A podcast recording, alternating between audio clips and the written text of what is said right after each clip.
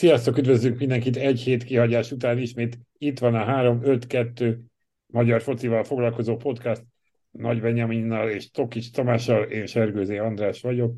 A világbajnokság nagy üzemében, hogy úgy mondjam, itt daráljuk a meccseket, de egy pillanatra megálltunk, hogy visszatekintsünk még az utolsó két válogatott meccs után az elmúlt ősz, nyár, kötőjel ősz magyar fociára is, Sziasztok, fiúk, hogy vagytok? Hogy tetszik a világbajnokság? Kezdjük ezzel röviden. Bennem pont ma fogalmazódott meg az, hogy a Márko Rossi féle magyar válogatott mennyire élvezni ezt a világbajnokságot, hogyha kint lenne, és ilyenkor tényleg igazán nagy kár a két albánok elleni mérkőzésért. Itt a szaudarábiaiak, illetve Japán is bemutatott, bemutatott egy olyan mérkőzést, amikor keveset van náluk a labda, és ebből a kevés labdabirtoklási fázisból átmenetekkel eljutnak az ellenfél kapujához, és, és viszonylag hatékonyan tudják befejezni az akciókat. Márko Rossi válogatottja ugyanebben jó, szóval, szóval én sajnálom, hogy nincs ott a magyar válogatott, és ez nem azért, mert most a, a, magyar, a nem tudom, a hazafiasság, meg a, meg a, meg a lokál patriotizmus beszél belőlem, csak mindössze az, hogy, hogy ez a, az alapállás, amit mondjuk a magyar válogatott játszik, meg az elképzelés, amit Márko Rossi az elmúlt években, egy másfél évben megvalósított, az igazából feküdne e, ennek a világversenynek.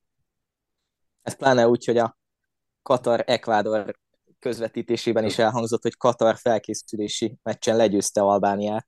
Na, akkor jutott eszembe a magyar válogatott, hogy vajon ezzel a Katarral mit kezdtünk volna. Tehát ugye láttuk itt a két felkészülési meccs alapján is, hogy azért még, még van hova fejlődni, és az idézőjelben kisebb válogatottak ellen azért még van, van mit csiszolni de tényleg jó lenne látni ezt a magyar válogatottat a VB-n, és amilyen a jövő egyébként, és ahogy ezeket a válogatottakat itt elnézzük a világbajnokságon, nem egy ismerőstől, baráttól hallottam azt, hogy, hogy ez a magyar válogatott elférne a világbajnokságon a mutatott játék alapján, hogy talán joggal bízhatunk abban, hogy majd négy év múlva egy picit izgalmasabb lesz nekünk is a torna. Valóban egy picivel bővül az európai kvóta száma, úgyhogy talán akkor már összejöhet a részvétel. Én nekem azt tűnt fel így az elmúlt egy-két nap alatt, hogy hát ez tényleg a porcelán világbajnokság, tehát törnek, zúznak. A játékosok nagyon sokat áll a játék, nagyon be, sajnos beigazolódott az, amitől féltünk, hogy, hogy az, aki a VB-ig nem sérült meg, az majd ott fog. Most a marokkói meccsen is egy, egy becsúszás után gyakorlatilag le kellett hozni a, a játék, a csukafejes után le kellett hozni, mert, mert a csípője bánta, hát kívánjuk nekik a legjobbakat. De térjünk rá a magyar focira, mert hogy ez egy magyar focis podcast, amit a Spotify-on, az iTunes-on és a Google Podcaston is hallgathattok fel, lehet rá iratkozni az Eurosport podcast családját, keressétek annak része a 352, ahol röviden szeretnénk megemlékezni Mészői Kálmáról, a Vasas 13 évig játékosa volt a Vasasnak, legendája, háromszor a válogatott szövetségi kapitánya is volt, illetve 61-szeres válogatott volt, mm, úgyhogy ez a hét magyar fociból sajnos, magyar foci szempontjából sajnos a legszomorúbb híre, úgyhogy én annyit személyeset hadd tegyek hozzá, hogy amikor én elkezdtem eszmélni a focira körülbelül, akkor volt ő a szövetségi kapitány. Most visszanéztem az időpontokat, a másodikra már emlékszem, ez volt 90 és 91 között, a második időszaka, de a harmadiknál tudtam már úgy helyre rakni, hogy mi, mik a játékrendszerek, mik a stílusok, vagy mik ezek egyáltalán, mi mik azok a versenyrendszerek, amivel a focit játszák, hogy selejtezők, stb., akkor még sajnos csak selejtezőkről esett szó a magyar foci, a magyar válogatott kapcsán, úgyhogy ezzel is innen is köszöntjük őt, reméljük, hogy az égből hallgat most már minket. De akkor térjünk rá most már tényleg a válogatottra, Márko Rossi válogatottjára, ami az elmúlt héten két meccset is játszott. Egyrészt uh, Luxemburgban egy 2-2-t, másrészt pedig uh, itthon Görögország ellen egy 2-1-et. Uh, azt szoktuk mondani, hogy a válogatott meccsek nem az eredményről szólnak, de mit szóltuk az eredményekhez. Elsősorban aztán rátérünk persze a játékra. Kezdjed, Benji, nyugodtan. Mit szóljunk az eredményekhez? Olvastam egy nagyon jó kommentet, amit, ami megragad bennem, hogy ha nincs Kalmár Zsolt bombagolja, akkor csalódásként értékeljük ezt a két meccset, és csalódással zárjuk az évet. Az a helyzet, hogy még mindig megvannak azok a betegségek a válogatottnál, amik megvoltak eddig. Az idézőjelben nem az elithez tartozó válogatottak ellen, viszont ahogy Márko Rossi fogalmazott a görögök elleni meccs után, azért ezek a különbségek, ezek talán, hogy ezek a hibák, ezek a gyerekbetegségek talán egy picit csökkenni kezdtek, és, és kisebb számmal jelennek meg, de még mindig jelen vannak. Igazából nézzük meg azokat, hogy gyakorlatilag azt a három volt, amit kaptunk ezen a, ezen a két meccsen, milyen szituációkból születtek. Volt egy rossz hátrapassz, ugye stiles az első meccsen, volt egy szabálytalanság, ami ha úgy ítéljük meg szabálytalanság volt, ha nem úgy ítéljük meg nem volt, az inkább az volt szintén stiles a második meccsen, és hát volt egy gyakorlatilag szintén védelmi megingás Luxemburg ellen. Az a helyzet, hogy a hibákat használta ki mind a két válogatott, mert azért a görögöknek sem volt túlságosan sok helyzetük. Nagyon jó az a védelem Szalai Attilával, Orbánnal, Botka is teljesen jól megoldotta a feladatát. A Luxemburg elleni meccs meg egy picit a kísérletezésről is szólt, és azért látszott a válogatottnak a támadó játéken, hogy Ádám Martinnal talán nem a legmegfelelőbb lesz ez a, ez a játékrendszer, és amire mindenképpen választ kaphattunk az az, hogy, hogy lehet ez a hamis 9-es megoldás lesz az igazi. Azért sokkal gördülékenyebben ment a, a görögök ellen a salai szoboszlai kapcsolat, és azért nem veszem ide Zsuzsákot, mert azért látszott, hogy ő ebbe a játékrendszerbe tényleg nem illik bele, és ezt ki kell mondani. Hiába játszott nagyon aktívan, nagyon lendületesen, jól voltak jó lövései, azért látszik, hogy összeszokott ez a válogatott már, és akár Sallai, akár ha úgy van gazdag Dániel oldja majd meg ezt a hamis 9-es posztot, teljesen, teljesen rendben lesz. Német András ugye lehet, lehetőséget kapott, talán a tippünk nagyjából úgy félúton vált be, Tomi. Ugye te tippeltél talán 25 percet? Én meg 45-öt, tehát egy fél időt valahol ott ugye kettő között volt ezzel a 35 perccel nagyjából, 30-35 perccel, úgyhogy tetszett a játék egyébként neki is, örültem az új bemutatkozóknak ebből a szempontból, és hát annak örültem talán a legjobban így a két meccs alapján, hogy Kalmár Zsolt egy ilyen lelki pluszt kapott, mert ez, ez abszolút abszolút karrierváltoztató lehet, én azt mondom. Segít a visszatérésben, igen. Tomi, te mit láttál? Az eredményekre ránézve ez, ez szerintem nem nézik rosszul, és most lehet, hogy ez hülyén hangzik, meg, meg én egyébként alapvetően sokkal pessimistább vagyok nálatok szerintem, most mégis én leszek az optimista hang.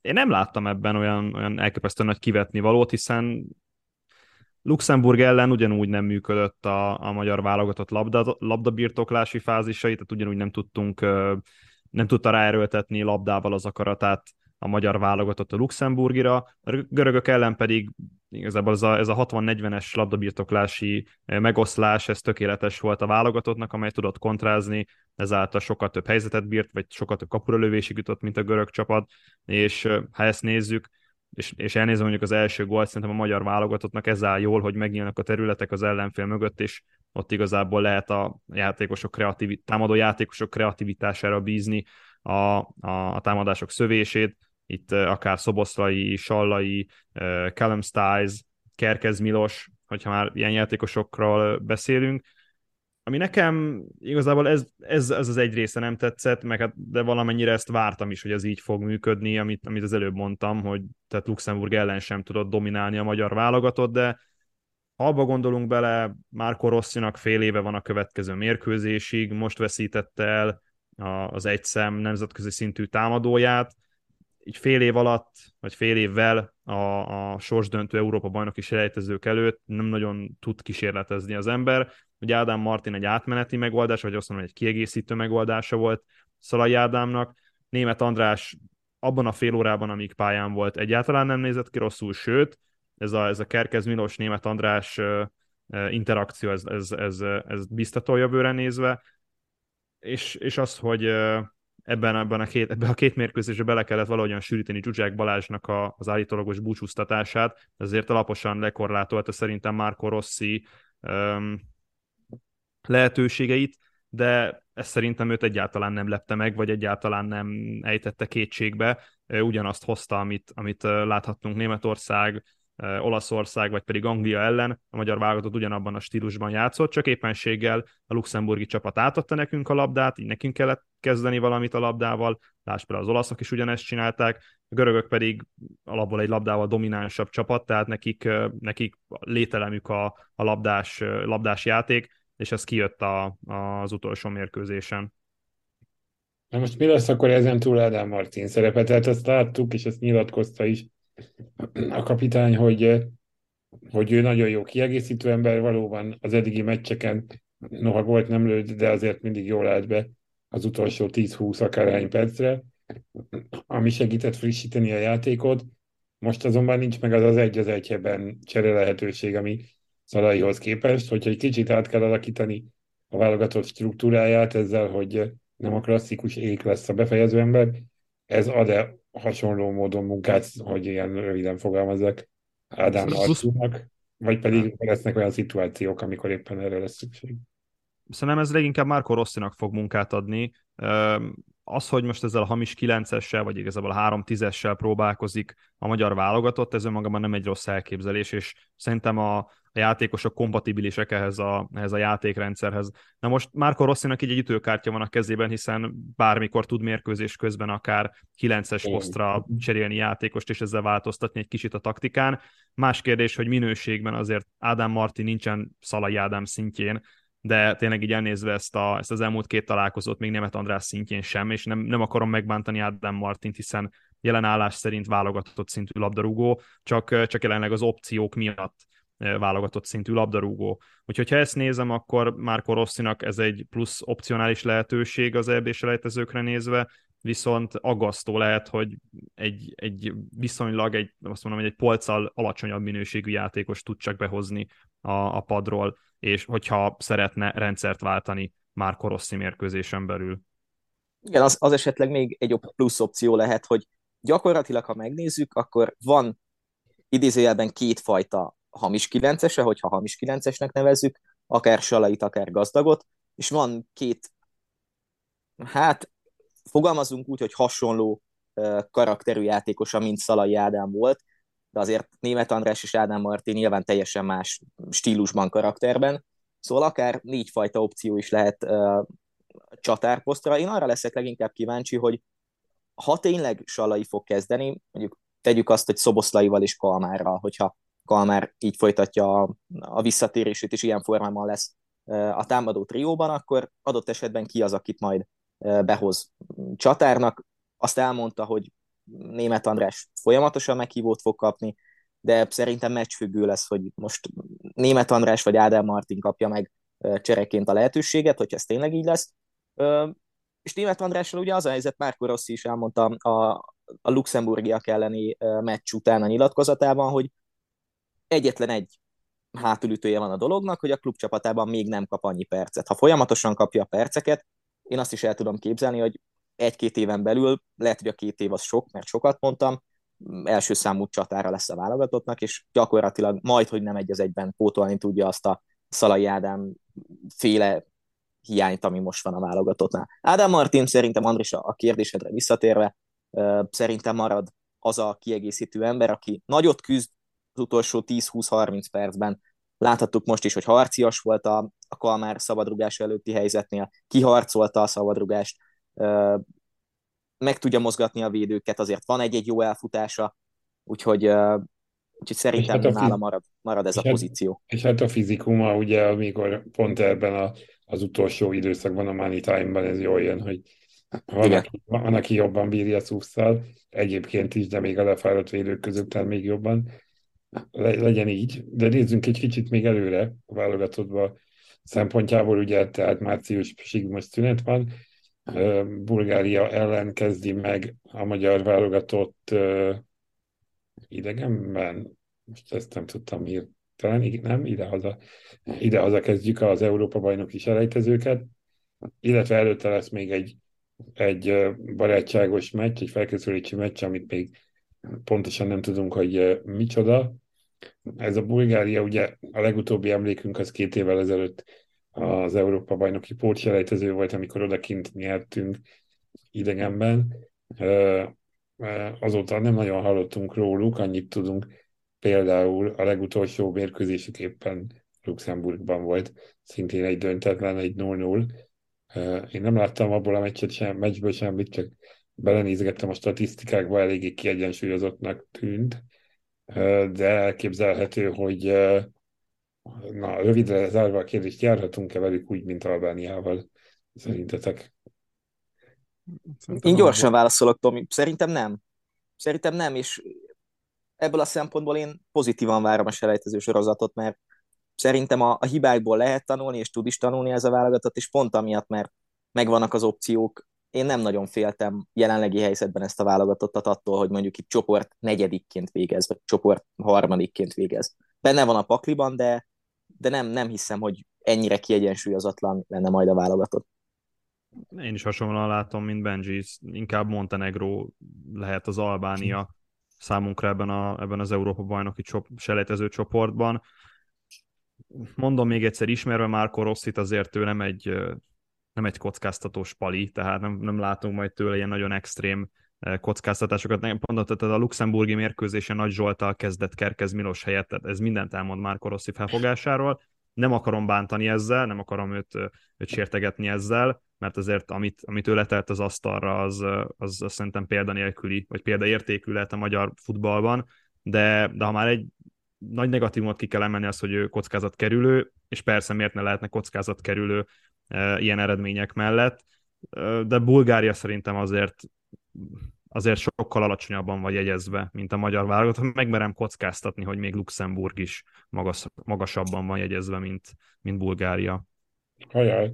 Igen, nem csak a magunk szempontjából mondjuk ezt, mert ugye mi a 12 meccsen, amit eddig játszottunk, az első tizet megnyertük, a tizedik az elég rég volt már, a tizenegyedik a, az, az pedig ugye egy vereség volt, az egyetlen vereségünk a, a Bent Tork utáni, talán az, már, az volt a Rékán szélában.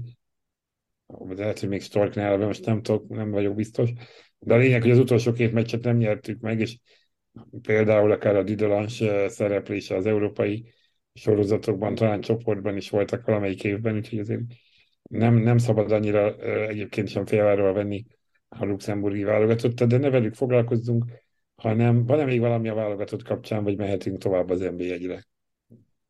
Elbúcsúztatjuk csak... Zsuzsit? Igen, igen, pont ezt akartam mondani. El, igen. Hát igen, ugye a 109. válogatottsága megvolt egy hazai meccsen. Benji, te kim voltál a Puskás arénában? Milyen vibe voltak? Hogy érezted magad ilyen szempontból?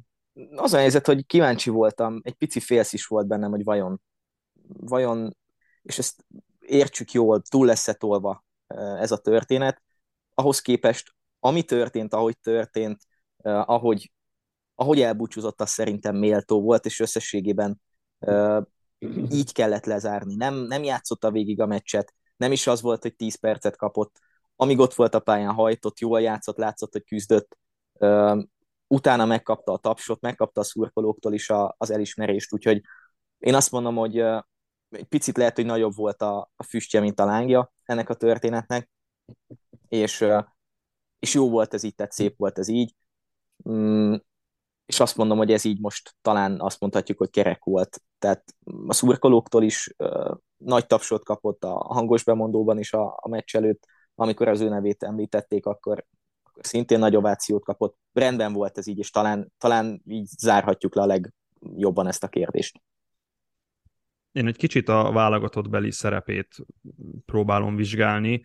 Nagyon szembetűnő volt az, hogy Zsuzsák mennyire mélyen visszalépett labdát kérni egészen, majd nem azt mondom, hogy a védelmi vonalba lépett vissza labdá, labdát kérni, ami ilyen, ilyen tízes posztra azért elég merész, nem szokatlan, mert ugye Szoboszlai Dominik is szokott ilyet csinálni, de az, amikor már két ilyen játékosod van egy, egyszerre a csapatban, az azért az, az, az, szerintem, az szerintem too much.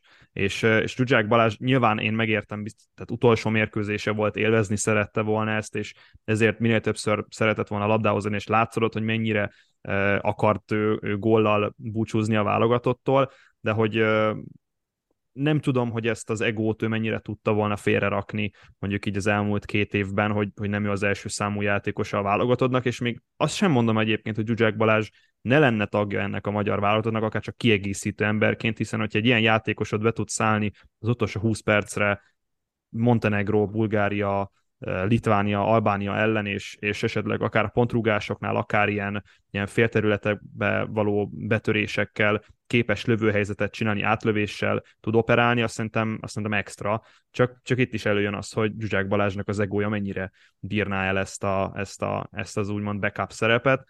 Szerintem nem, és, és ezért is vonul vissza a válogatottól. Szóval a játékát nézve nem lógott ki lefelé, viszont, viszont volt szerintem egy ilyen, ilyen negatív hatá, vagy negatív kicsengése is ennek, ennek a sok visszalépésnek, ami önmagában nem lenne rossz, csak, csak már van egy ilyen játékos a válogatottnak, és egy kicsit ez szerintem a, a szerepek, szerepek átvételéről szólt inkább, mint sem arról, hogy Zsuzsák Balázs beilleszthető lenne egyébként ebbe a csapatba. Pont azon gondolkoztam, hogy legutóbb mikor játszott ilyen poszton Zsuzsák, és talán még a Dinamo Moszkvában voltak ilyen meccsei az orosz bajnokságban, ahol, ahol ezt a fajta a, a támadó szekció jobb felén, de nem a szélen játszó játékot nyújtotta, és talán az a Dinamo Moszkvás korszaka volt a, a hát talán a, amikor viszonylag sok volt lőtt abból a pozícióból, de azt látszott, hogy befelé húzott a ballábára, ott megvoltak a lövések, de azért látszott az is, talán már a 20. percben, hogy, hogy lehet, hogy fizikálisan már, már nincs azon a szinten, mint a válogatott többi játékosa. Egyébként egyetértek, Tomi, hogy egy 20 perces kiegészítő embernek, hogyha csak azt megnéznénk, hogy, hogy ő milyen játékra képes, az, az teljesen illene még ebbe a válogatottba. Igen, de valószínűleg egy olyan ember, aki az ő pozícióját a maga idejében ott töltötte ebbe ebben a válogatottban, ahol az nem, teljesen természetes, hogy nem akar 20 perces kiegészítő ember ember lenni és nem is kellene neki. Tehát, hogy, hogy, hogy valóban volt egy neki egy időszaka, amikor ő volt a mostani Szobosztai Dominik, már most a válogatottban való pozíció, már nem a, nem a pályán, hanem a, na értitek, tehát, hogy, hogy ez az időszak véget ért, ezt az embernek nyilván nehéz feldolgozni, általában az ilyet nem látunk bele tudunk leszűrni bizonyos dolgokat nyilatkozatokból, az ország állapotából, a közbeszédből, hogy ez, hogy áll, ez a helyzet, hogy állhat ő benne, de hogy, de hogy ez teljesen természetes szerintem, hogyha, hogyha ha, ha, ha, nem, ha nem akar a kiegészítő ember és az is természetes, hogyha ezt az ember nehezen érti meg. De hogy valószínűleg ez a kérdés eléggé teoretikus, mert hogy nem fog nyilván már nem fog előfordulni. Ha csak de... Még, még egy, egy gondolat jutott eszembe a, a pont a meccsen, hogy ö, tudni kell, mikor abba hagyni. Hm. És ez talán az utolsó utáni pillanat volt Zsuzsáknál, és vannak olyan extra klasszis magyar sportolók, akik sajnos nem biztos, hogy tudják, vagy tudták, hogy mikor kell abba hagyni. És itt hozhatnánk egy-két példát a mai nagy magyar sportolók közül is. Szerintem sokan tudják, hogy kire gondolok most. No, úszónő. Hát... úszónő, ennyit segítek. Kicsit hasonló, hasonló érzek vele kapcsolatban is. Beszélgettünk már róla is, Benjivel a mikrofonok előtt nemrég. De, de akkor inkább kívánjunk több olyan nagy sportolót itt, itthon is, aki időben vissza tud vonulni. Ettől függetlenül valóban azért szép volt élmény lehetett akár a helyszínen akár a tévén keresztül is ez a búcsúztatás. De búcsúztassuk az NB1-et is, mert hogy gondoltuk egy kicsit összefoglalni az, a, a, a, a szezon első felét, de mielőtt belecsapunk, itt említem, hogy ugye most azért elvonulunk egy kicsit téli szünetre, de már említettük korábban is, hogy fogunk azért majd jönni viszonylagos rendszerességgel, még nem látjuk pontosan, külön kiadásokkal, interjúkat tervezünk, remélhetőleg még karácsony előtt egyet, aztán januárban is, úgyhogy majd figyeljétek a feedeket, illetve a, az oldalon is írunk róla cikket, hogyha ez előfordul és megtörténik. De beszéljünk az NB1-ről. Elsősorban, amit én els, első pontnak fölírtam magá, magamnak, hogy volt sok kurva gyengézés, ugye az egyik címünk ez is volt. Közben viszont talán a szezon, az elmúlt szezonok legjobb meccsei közül is láttunk egyet-kettőt. Itt kiemeltük például a Fehérvár Fradit, ami az utolsó fordulók egyikében volt. Szóval érzek egy ilyen kettősséget, hogy nagyon sok kiemelni való van, közben meg nagyon sok nézhetetlen meccset néztünk. Hogy látjátok ti ezt? Melyik marad meg bennetek erősebben? Pont, pont mint a világbajnokságon egyébként, hogy vannak nézhetetlen meccsek, meg vannak olyanok, mint az angol-irán, amilyen gólzáporos találkozókat hoz. Bennem egyébként inkább a sajnos ezek a negatívabb dolgok maradtak meg, és sokszor értetetlen volt számomra az általad említett mondjuk kurva gyengézés, ami ilyen, ilyen divat lett némely csapatoknál, tehát volt olyan Újpest vasas, amikor az Újpest hiába nyert kettő egyre mind a két tábor egymás múlta felül ezekben a rigmusokban. Fehérváron nagyon sokat hallhattuk, a Honvédnál is egyre gyakrabban, és, és tényleg itt lassan fel lehet sorolni az összes olyan klubot, amelynél, amelynél ez elhangzott, még a Debrecennél is, amely azóta azért, hogy edzőt váltott, egy kicsit talán pozitívabban néz ki. Sajnálom, hogy egy ilyen irányba tart a magyar válogatott, és, és ez részben annak köszönhető, hogy milyen edzői kultúra, vagy milyen stílus uralkodik igazából az NB1-ben, ez a, ez a visszaállók, mély blokk, közepes blokk, 5-3-2, vagy 5-3-2, vagy 5-2-3, és innen kontrázok, ez azért nem a legbizalomgerjesztőbb dolog, és amikor majd nyilván egy külföldi megfigyelő eljön és szeretne egy magyar fiatalt esetleg egy külföldi csapathoz elvinni, akkor nem egy, nem egy mezőköves találkozót fog választani, ahol valószínűleg nyilván Kálai rendkívül jól futballozik, viszont mégis egy, egy védekező csapatban kell tengetni mindennapjait, szóval, szóval egy kicsit így összekötve a, a magyar edzői, nem is feltétlenül a magyar edzői garnitúr, hanem az, ami a magyar bajnokságban, a magyar élvonalban e, ilyen edzői trend, vagy, vagy játékfilozófiai trend, az igazából rányomja a bélyegét az ilyen találkozókra, és véleményem szerint ezért látunk ennyire sok gyenge színvonalú mérkőzést itthon. Mondhatjuk azt összefoglalva, hogy nem sok minden változott szerintem az előző szezonhoz képest, hogyha megnézzük a nagyobb csapatokat, vagy mondjuk úgy, hogy előző szezonokhoz képest az Újpest szenved, a Honvéd szenved, a Fehérvár előző szezonhoz hasonlóan szenved. Voltak meglepő csapatok, itt, itt talán leginkább a Kecskemétet lehetne kiemelni, és miért pont a Kecskemét? Mert bátran játszanak. Tehát szépen fogalmazva nem volt tele a, a gatya a meccseken, lendületesen játszottak, valamilyen játékot mutattak, és talán itt a legnagyobb különbség egyébként a többi csapathoz képest, hogy azok a csapatok vannak a bajnokság első felében most, akik valamilyen játékot egyáltalán bemutattak, vagy szerettek volna bemutatni, és nyilván a Puskás Akadémia nem azért álmostotta a tabella első felében az első négy hely valamelyikén, mert Hornyák Zsolt azokat a meccseket produkálta, amiken gyakorlatilag semmit nem csinált a csapat, hanem visszahúzódott, védekezett és nem támadott, hanem azért, mert néha azért változtatott, és azokat a meccseket nyerték meg egy-kettő vagy három góllal akár a Kisvárdának a hajója, azt mondhatjuk, hogy nagyjából kitartott, talán nekik jött legjobban a szünet, és hát nyilván van egy olyan csapat, akiknek már most oda lehetne adni a bajnoki címet, ahogy Waltner Robert fogalmazott a, Robert fogalmazott a Ferencváros Paks meccs után. Ez a Fradi nagyon kiemelkedik ebből a mezőnyből, teljesen mindegy, hogy milyen csapattal játszanak, de azért láthattuk azt jó néhány meccsen, hogy meg lehet őket fogni, vagy meg lehet őket szorítani. Mm, nem De tudom, ha most, így, ha, most, ha most így, csak még egy kérdés rácok, ha most így értékelni kéne, amit elképzeltünk mondjuk augusztusban, hogy milyen lesz ez a bajnokság. Nálatok azt felülmúlta ez az őszi szezon, nagyjából azt hozta, amit vártunk, vagy vártatok, vagy, vagy egy picit jobb volt, mert szerintem szerintem nálam egy picit alul, alul maradt ez a bajnokság, pont az említett nagyobb csapatoknak a megmaradó gyengélkedése miatt. Én azt gondolom, hogy a mutatott játékban kb. azt hozta, amit, amit vártam, amit említesz, hogy a nagyobb csapatok gyengelkedését én inkább hasonló módon a biztonsági játéknak nevezném, mint amit így a válogatott kapcsán is beszéltünk, hogy miért kellene kockáztatni, mikor így is meg tudom, tudok vezetni 8 ponttal, mínusz két meccsel, miért kéne bármit is csinálnom, hogyha be, belég csak benyomni a cheat code, gomb, cheat code gombot, tehát, hogy, hogy valahogy, valahogy azt érzem, hogy, hogy az a fajta innováció, ami rá van kényszerítve egy egyensúlyozott versenyben egy csapatra, az itt nyilvánvalóan hiányzik, mert nincs rá kényszerítve.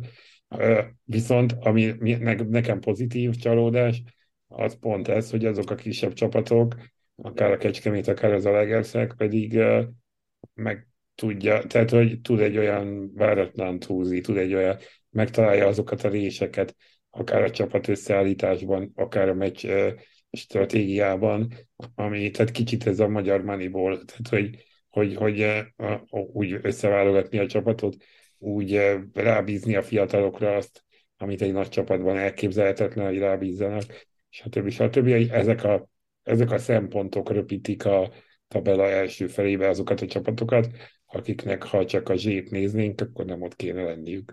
Tehát, hogy ez, ez szerintem egy pozitívum. Nyilván a, tehát a, a futball romantika az így áprilisra ki fog kopni, de hogy, de hogy ez tök jó, hogy ősszel viszont még tart. Én ugyan nem ismerem még srácokat, ti 3-11-eiteket, de szerintem a kedves hallgatók onnan fogják igazán megtudni, hogy mely csapatok voltak a legjobbak ősszel, vagy úgymond, hogy magukhoz képest talán jobban teljesítettek meg, meg nyugodtan azt mondhatom, hogy támadó futballt játszottak, akik majd szerepelnek, vagy akik játékosokat adnak a, a mi csapatainkban. Legalábbis az enyémről én ezt tudom elmondani, hiszen olyan csapatok játékosai alkotják majd, amelyek alapvetően a támadó futballt preferálják, illetve kiemelkedő teljesítményt nyújtottak hétről hétre, és a csapatuk vezéregyéniségei voltak.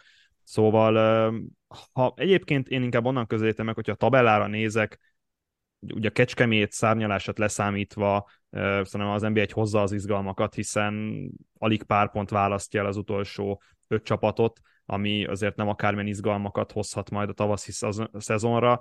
A, nyilván a bajnokság nyitottsága az egy kicsit így eltörpül, hogy a Ferencváros két meccsel kevesebbet játszva három pontnál nagyobb előnyel vezeti a bajnokságot, de, de összességében szerintem az NBA egy az elmúlt éveket nézve, amilyen olló kinyílt a Ferencváros, és akár a legközelebbi rivális Fehérvár, vagy a többi közeli üldözők között, az, az egyszerűen önmagáért beszél, és egy hatalmas kalaplengetés a Ferencváros előtt. Viszont, hogyha hátrébb tekintünk, akkor szerintem, szerintem az NBA egy hozza azokat az izgalmas momentumokat, amiket az elmúlt években is hozott. Jó, beszéljünk még esetleg, beszéltünk már sokat a kis csapatokról, a Ferencvárosról, de nem beszéltünk még a, az alsóházról, vagy akik bajban vannak, és itt, itt látványosan három pesti csapat, az Újpest, a Honvéd és a Vasas, ez alkotja az utolsó hármat, hármat, ami érdekesség lehet. Nem tudom, van ehhez közel, hogy, hogy ezek, ezek pesti csapatok, mert például más sportágokban azért szoktuk szoktuk emlegetni, hogy az az identitásképző, ami mondjuk Körmenden a kosárlabdát, vagy Veszprémben a kézilabdát uralja, az a, az a fővárosnak egy, egy handicap. A fociban talán ez ennyire nincs meg, de mégis látványos, hogy ez a három csapat van ott, illetve mi lesz a Fehérvárral. Itt az utolsó néhány fordulóban elég pepita eredményeket hozott, sorrendben döntetlen győzelem, döntetlen vereség győzelem, és kicsit így billegett szerintem bennünk is a vélemény, hogy ez a Fehérvár most akkor elindul-e felfelé Huszti Szabolcsal, vagy nem. Szerintem ez egy érdekes kérdés még. A Fehérvár most három pontra van a kieső helytől és hat pontra a dobogótól. Ez egyrészt a sűrűséget is mutatja, másrészt azt, hogy a Fehérvár eléggé, szóval megindult a vérzés így a, a, a október-november tájékán, amit most, most valahogy meg kéne állítani. Meg lehet állítani szerintetek? Én, én beszélek a Fehérvárról, jó, Benji? Lehet, hogy én a, én a pesti okay. kerületeket meghagyom neked. Egyébként a Ferencváros is nem pesti biztos, kerület. Nem tehát biztos, így az hogy van benne a téma, csak de mindegy, mondjad. a, a, a Fehérvár szerintem jó irányba, és most ez megint furcsán fog, ez, ez a furcsa hangzású mondatoknak a műsora lesz. Szerintem a Fehérvár jó irányba tart, hiszen Huszti Szabolcs alapvetően egy támadó elképzelést, vagy azt mondom, hogy egy modern elképzelést próbál megvalósítani a Fehérvárnál, ez, ez, ez elsősorban a labdakihozatalakon múlik. A másik, hogy, hogy támadásban is azért szerintem most már jobb számokat produkál a Fehérvár, mint, mint az elmúlt két szezonban bármikor, és, és szerintem Huszti Szabolcsal el fog indulni felfelé a, Székesfehérvári csapat.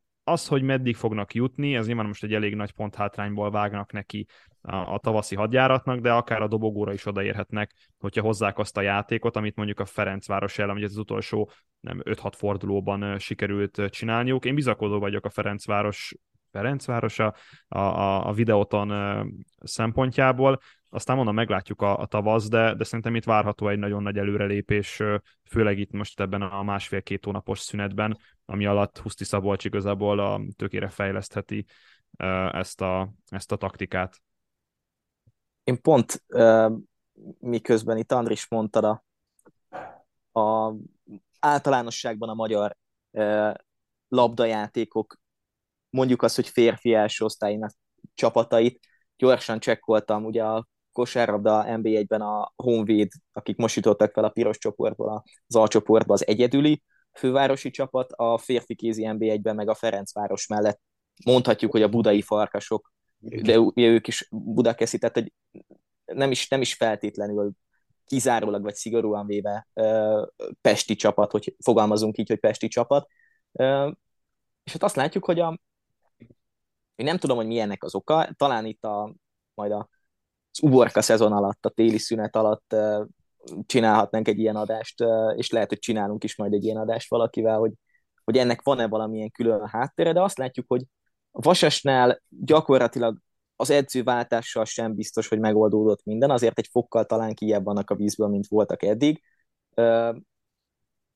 A Honvédnál abszolút azt látjuk, hogy, hogy káosz van még mindig, ugye szintén volt a héten egy, egy tulajdonos váltásszerűség, vagy egy ügy, ügyvezető váltásszerűség, és ki tudja, hogy még mi lesz itt a közeljövőben, és gyakorlatilag az Újpestnél is azt látjuk, hogy a játék megvan, talán ha találnak egy normális befejező csatárt, vagy összeraknak egy normális játékrendszert, amiben megvan az a csatár, aki be tudja fejezni az akciókat, akkor talán ők vannak a, a legjobb helyzetben ebből a szempontból, de de meg lenne az anyagi háttér, meg meg lenne a körülmény, mégis gyengélkednek, és én azt gyanítom, rövidre zárva a dolgot, hogy most lesz az a szezon, pont amiatt, amit mondtál, ami, hogy nagyon szoros a, a tabella második fele, ahol az egyik nagymúltú pesti csapat búcsúzik a bajnokságtól. Hogy ez most a Vasas lesz, vagy a Honvéd lesz, én az Újpestet mondom pont emiatt nem sorolnám ide.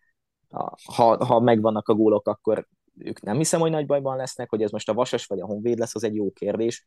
Minden esetre, ha egy ilyen flop top összehasonlítást kéne csinálni, akkor a flop az mindenképpen a Honvéd lenne, a top meg lehet, hogy most ha már beszéltünk a Kecskemétről, akkor a Kecskemét ebből a szempontból. Igen, és akkor még nem akarok ragaszkodni ez a budapesti témához, de tényleg, ha megnézzük, az MTK most már lassan liftező csapatnak mondható, és akkor még régen stabilan B1-es volt a BVSC, szóval, hogy, hogy, hogy sűrűbb volt a pesti élet, és az elmúlt időkben azért ez eléggé kikopott, és hát ez tényleg úgy néz ki, hogy a három Pestiből egy biztos ki fog esni, úgyhogy vagy hát na, nagy valószínűséggel ki fog esni, biztos nyilván nem tudunk mondani. Meglátjuk, hogy ez, ez hogy lesz, melyik lesz.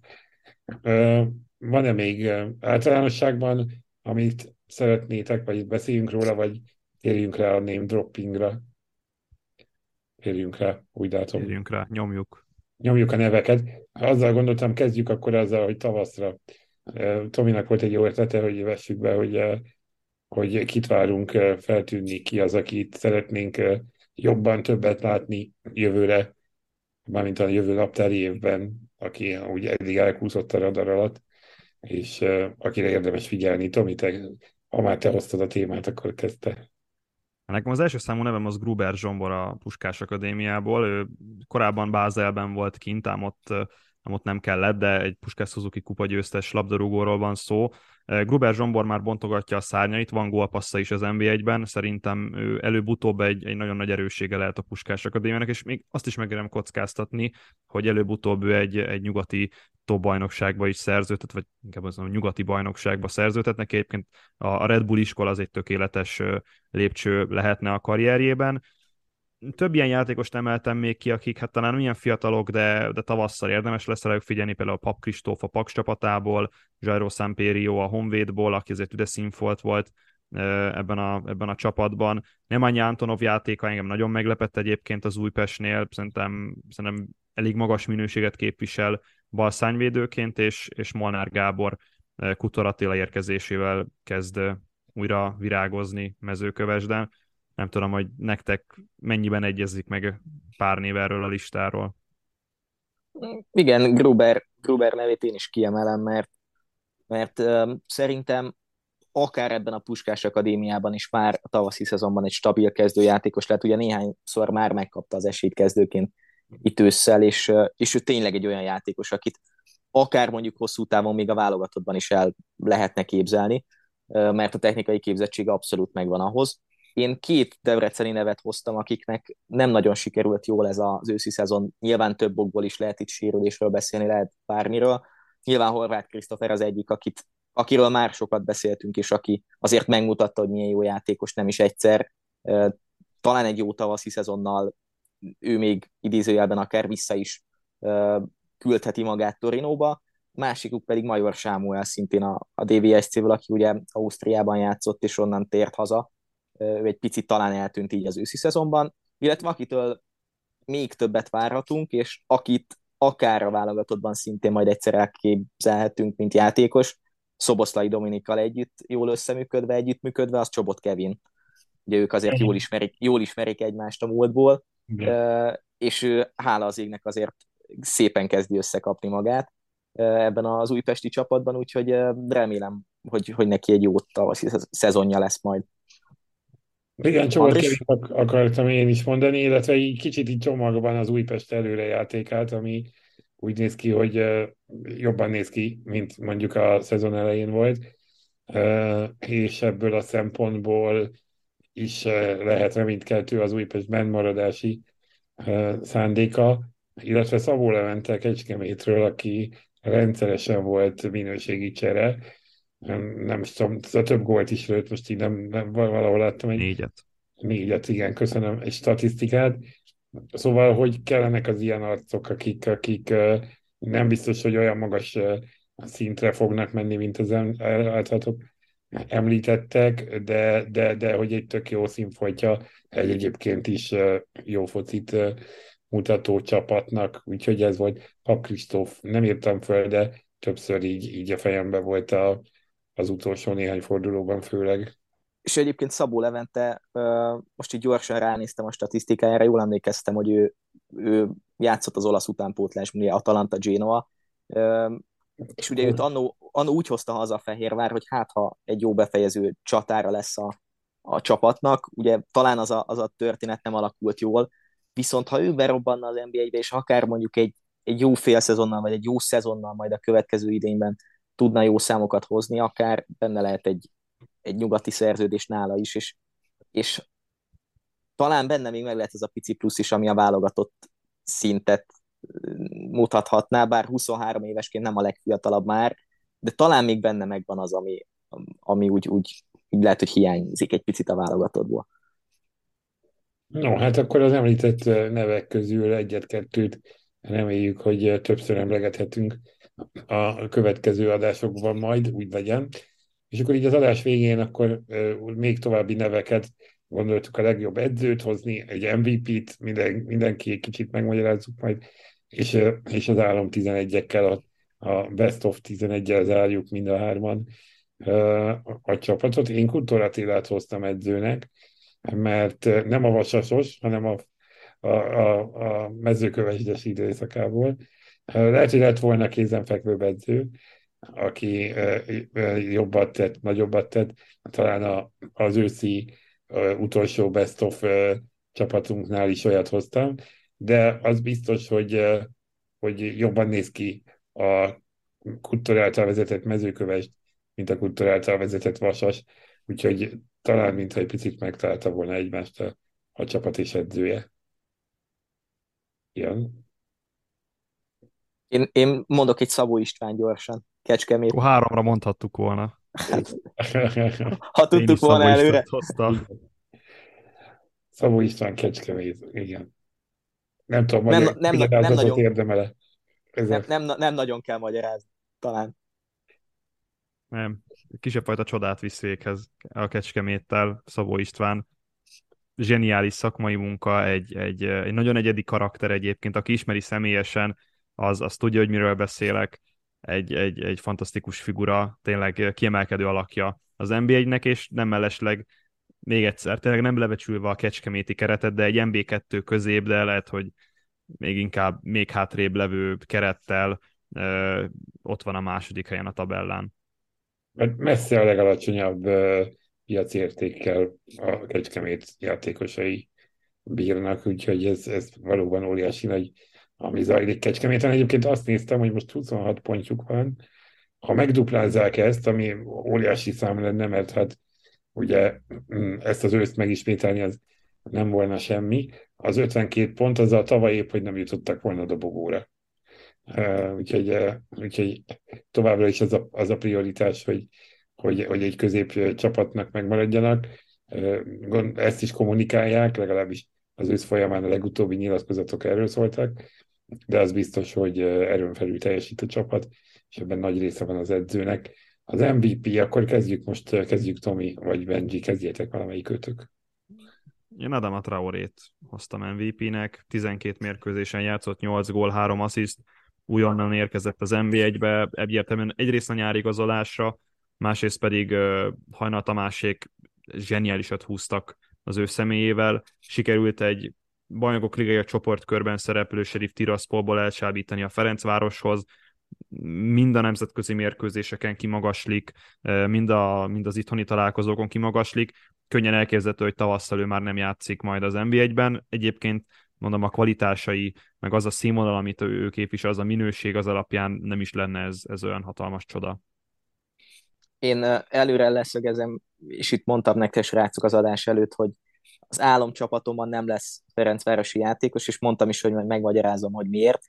Egyrészt azért, mert az MVP-t nálam Adama Zachariasennek hívják, vagy Christopher Traoré-nak, ahogy tetszik.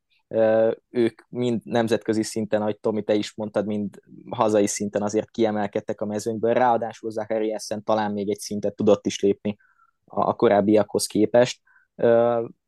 És gyakorlatilag azért nincsen Ferencvárosi játékos az államcsapatban, mert csapatként is, és amit véghez vittek a bajnokság mellett nyilván az Európa Ligában, az, az abszolút kiemeli őket. Csercseszóval együtt, a játékosokkal együtt, azokkal a magyarokkal együtt, akik játszanak, az, az azért magáért beszél, úgyhogy gyakorlatilag ebből a két játékosból gyúrnám össze az MVP játékos.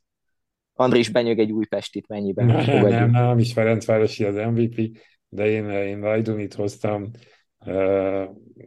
gyakorlatilag, amit védekezésben is, meg előrejátékban is, a Európa Ligában eléggé sokszor virított, és most kint van a világbajnokságon is, csak hogy megkövessem a tegnapi kisebb Twitter flémet, ami itt kibontakozott, amikor megmertem említeni, hogy, hogy a Ferencváros volt a fókuszában a, meg a marokkói csapat bemutatásának, de a lényeg, hogy valóban amit kiemelkedő volt azért azok mellett, akiket ti is említettetek itt az NB1-es mezőnyben a Lajduni őszi munkája, úgyhogy megsüvegelem most ezt. De akkor térjünk is rá az állam 11-re, és akkor talán haladjunk most is posztonként, uh, ahogy múltkor, kapus, védelem, középpálya és csatár, támadó. Uh, Benji, te neked ki a kapusod? Ricardo Pisitelli, senki más. Mezőköves kapusa zseniálisan védett. Aki látott mezőköves meccseket, gyakorlatilag szerintem a, a mezőkövest mm, a meccseinek 70%-át elveszítette volna, ha nincsenek azok a Pisitelli bravúrok, amiket bemutatott. Igen.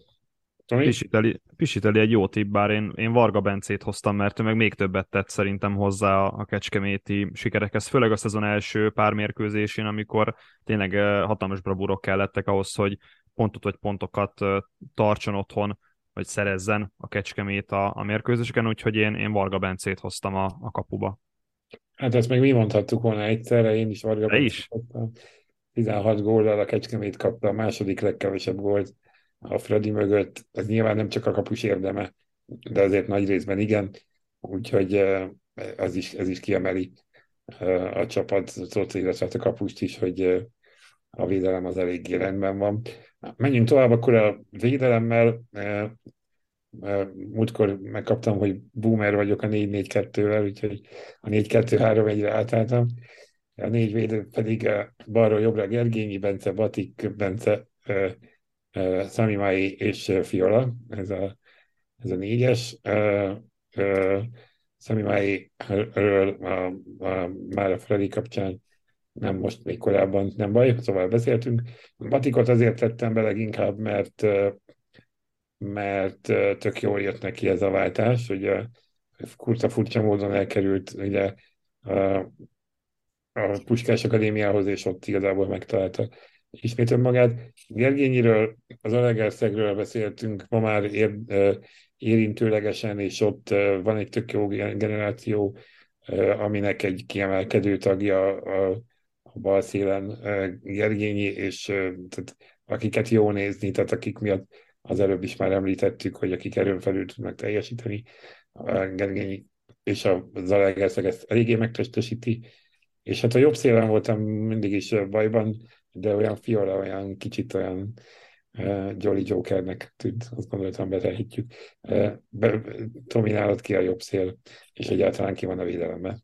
Én is én, épp, én, én csak a jobb hátvét, tehát nekem minden pozícióm adott volt, a jobb hátvét pozíción gondolkoztam a legtöbbet. Nekem 4-3-3 a felállásom, nagy Krisztiánt raktam be a Kecskeméden, én egy, én, van a hamis 9-es, most én a hamis 4-est hozom, hogy Nagy Krisztián a jobb hátvéd, ilyen támadó szellemű, Belényesi Csaba és Batik Bence a két belsővéd, és Gergényi Bence egy másik támadó szellemű, hát nem, nem is szárnyvédő, de ugye Gergényi bal középpályást játszott majdnem a szezon nagy részében, de alap, alap, alapból ő egy, egy bal hátvéd, szóval Gergényi Bence és Nagy Krisztián támad a széleken, belül pedig Belényes, illetve Batik Bence akik, akik a hosszú labdákat, meg a párharcokat azért egész jól szokták abszolválni.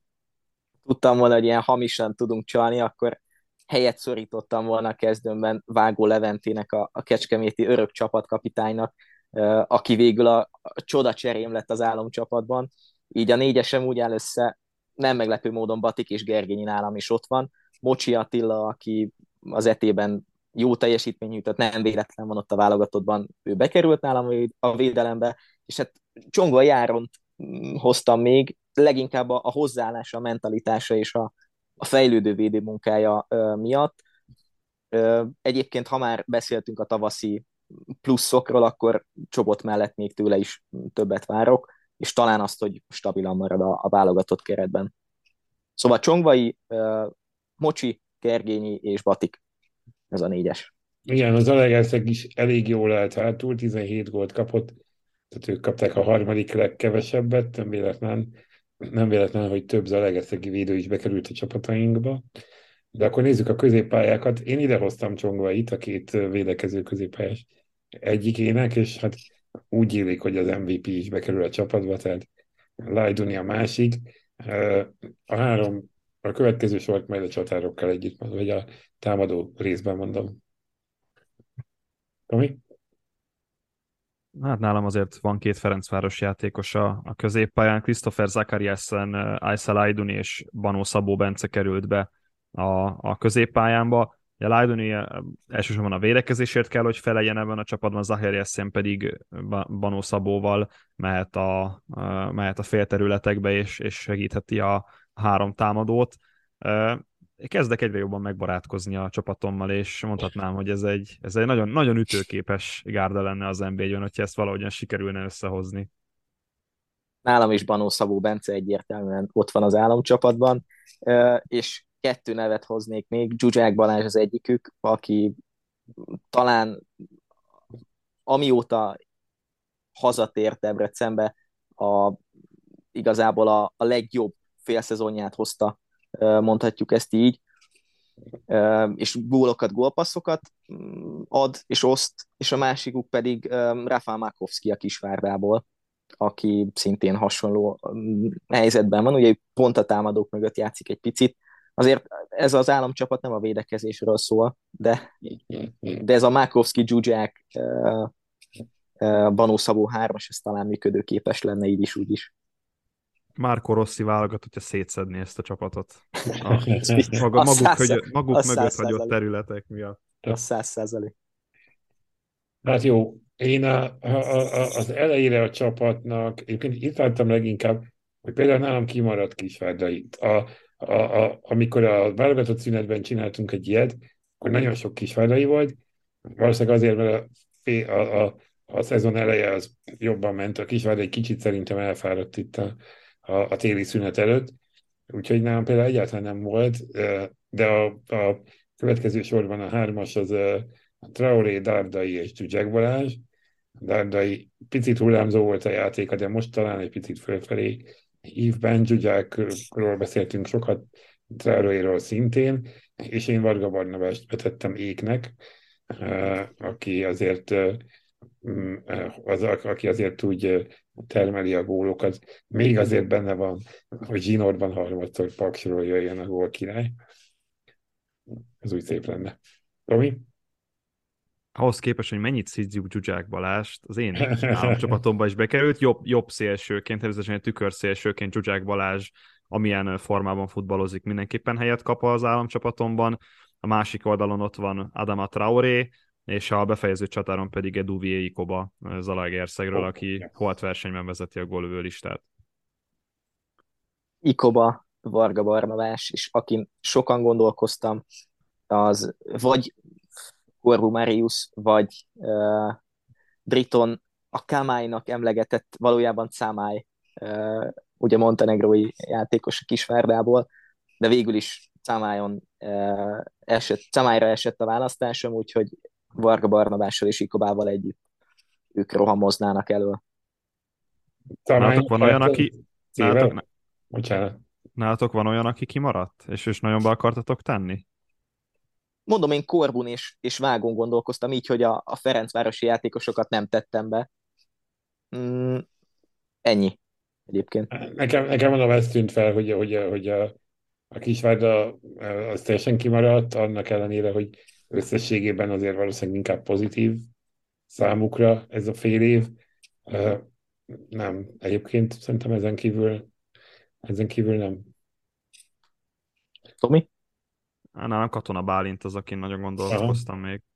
De, de végül kimaradt. Driton Kamajon is, vagy Szamajon is gondolkoztam, de hát ott nem volt esélye Zsuzsákkal, meg Traoréval szemben. Hát Varga Barnabás, meg Ikoba között nálam az döntött, hogy valamiért talán Ikoba teljesítménye az, az szerintem magasabb színvonalú, mint, mint Varga Barnabás, akit szintén elismerek, mert fantasztikus munkát végez Paksom. És az edzőknél hm? Ja, az edzőket már mondtuk, már igen. A, igen, az edzőknél még az jutott eszembe, csak így hirtelen átfutott, átfutott az agyamon, hogy ha mondjuk lenne egy olyan opció, hogy mm, egy edzőt véletlenszerűen betehetnétek valamelyik csapathoz, akkor melyik edzőt tennétek, és melyik csapathoz, aki mondjuk ki tudja hozni az állatot idézőjelben az adott csapatból? Stanislav Csercseszovat a Honvédhoz. De... Ez érdekes egyébként. Én nem, nem, nem, nem biztos egyébként, hogy abból a honvédból. Ő sem maradna két hónapnál tovább, ne aggódjatok. Szóval te felülölni szeretnéd magyarul az állapotokkal. Nem, én azon gondolkoztam, hogy egy ilyen, ilyen határozottabb sportigazgatói szerepkört, mint ami Révész Attila Kisvárdán, azt megnézni olyan csapatnál, ahol érezhetően nincs meg az irány akár, tehát ugye most már meglátjuk, hogy Fehérváron mi lesz, de hogy Fehérvárnak a sportpolitikáját elég sokat szittuk, hogy vajon ott mondjuk egy Révész Attila tudna-e hasonlóan irányt szabni, kereteket adni, mint ahogy tette Kisvárdán, egy érezhetően nagyobb vagy nehezebb körülmények között. Tehát Fehérváron meg volna a pénzparifa fegyver, ott kijönne ez, az, az engem ez érdekel. Csak azért jutott eszembe, mert én pont gondolkoztam itt az adás előtt, hogy egy Blagojevic féle Fehérvárt szívesen megnéznék, mert talán a Vidi legutóbb Márko Nikolicsa volt Igen. olyan, amilyen, és hát Blagojevicet meg talán méltatlanul hagytuk ki ebből az összefoglalóból most, mert uh, talán egyszer említetted Tomi, mert amit, amit csinált ezzel a csapattal, az, az, az érdekes lehet a tavaszra nézve. Akár mondjuk a top 5, top 4 sem elképzelhetetlen talán. Igen, a Debrecen nagyon elindult felfelé, és ennek ez, ez érthetően, vagy egyértelműen azóta látszik így, hogy itt van az új edző. No, hát. Tipp, tippeljünk egyet tavaszra most, srácok? A végeredményt? Aha, dobogósok meg kiesők, ahogy a szezon elején csináltuk párszor. Jó. Meg gól király. Ja, a gól király. Tomi kezdte. Jó, uh, Ferencváros.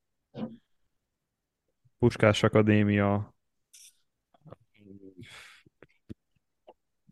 Bízunk, bízunk Husztiban, és a Fehérvár lesz a harmadik. Kiesőket is mondja meg a gól királyt is? Szerintem mond egyúttal aztán. Fordított pszichológiát alkalmazva a Kecskemét lesz a kieső, az egyik. A másik, a másik meg valamelyik, hát szerintem vagy a Honvéd, vagy a Vasas, de így a jelenlegi állapotokat elnézve inkább a Honvéd. Hol király meg még, én, én továbbra is kitartok uh, Kenán Kodró mellett. No, hát én a, igen, ezt a Ferencvárosi bajnoki címet nem, nem hiszem, hogy bármelyikünk megkapargatná. Úgyhogy én azt mondom, hogy Kisvárda Puskás. A Kisvárda visszatérésében én még látok lehetőséget. De most is harmadik, szóval nem nagyon süllyedt el, csak egyszerűen az, hogy, hogy meg lesz erősebb is talán, mint mondjuk volt novemberben, október végén. Mm, a kiesők én mm, meg nem kockáztatni, hogy marad így, tehát hogy Honvéd és Vasas, mert az Újpestet látom fölfelé jönni, a mezőköveset szintén, Fehérvár Debrecen szintén, annál fölöttiebbek pedig, a Pagzelegerszek pedig nagyon nagyot kellene esniük ahhoz, hogy változzon. Hát nyilván változhat Honvédon, a Honvédnál, meg Vasasnál is, de jelenállás szerint ott látom legkevésbé, és akkor én már kitartok Varga Barnabás gól királyi címe mellett. Szerintem Ikoba lesz a gól király egyébként, hogyha nem igazol el télen. Szerintem azért sikerül megtartani őt legalábbis egyelőre. Ferencváros Puskás Akadémia, és gondolkoztam a bronzérmesen, hogy a DVSC vagy az ETE, de talán inkább a DVSC egyébként, hogyha sikerül hozniuk ezt a, ezt a formát. Két kieső, a mezőköves és a honvéd. Szerintem. No, hát a, ez... a, a, paks, a paks lehet még talán kérdőjeles, de Igen, ott azért elég- Waltner, Waltner Robert vagy Fognár György azért csak bent tartja majd őket. Ó, bizony, ez is egy jó kérdés, hogy valóban visszatér-e Bognár György, vagy mi lesz a Paks sorsa, mi lesz... Ha már, ha már szakértőként visszatért, sorsa. akkor Igen. egy újabb, újabb comeback nagy comeback ideje Bognár Györgynek. Ez akkor egy jó zárszó is arra, hogy felajánljuk a hallgatóknak, hogy nézzék a világbajnokságot. Amíg NB1-et nem tudnak, addig bírják ki valahogy a brazil-argentin rangadókkal. Eh, Úgyhogy ez elő, elő, fog fordul- fordulni januárban. Annál azonban minden bizonyal minket is eh, lehet majd hallgatni hamarabb is. Figyeljétek a híreinket, figyeljétek a forrásokat, eh, és addig is sziasztok! Sziasztok! Sziasztok!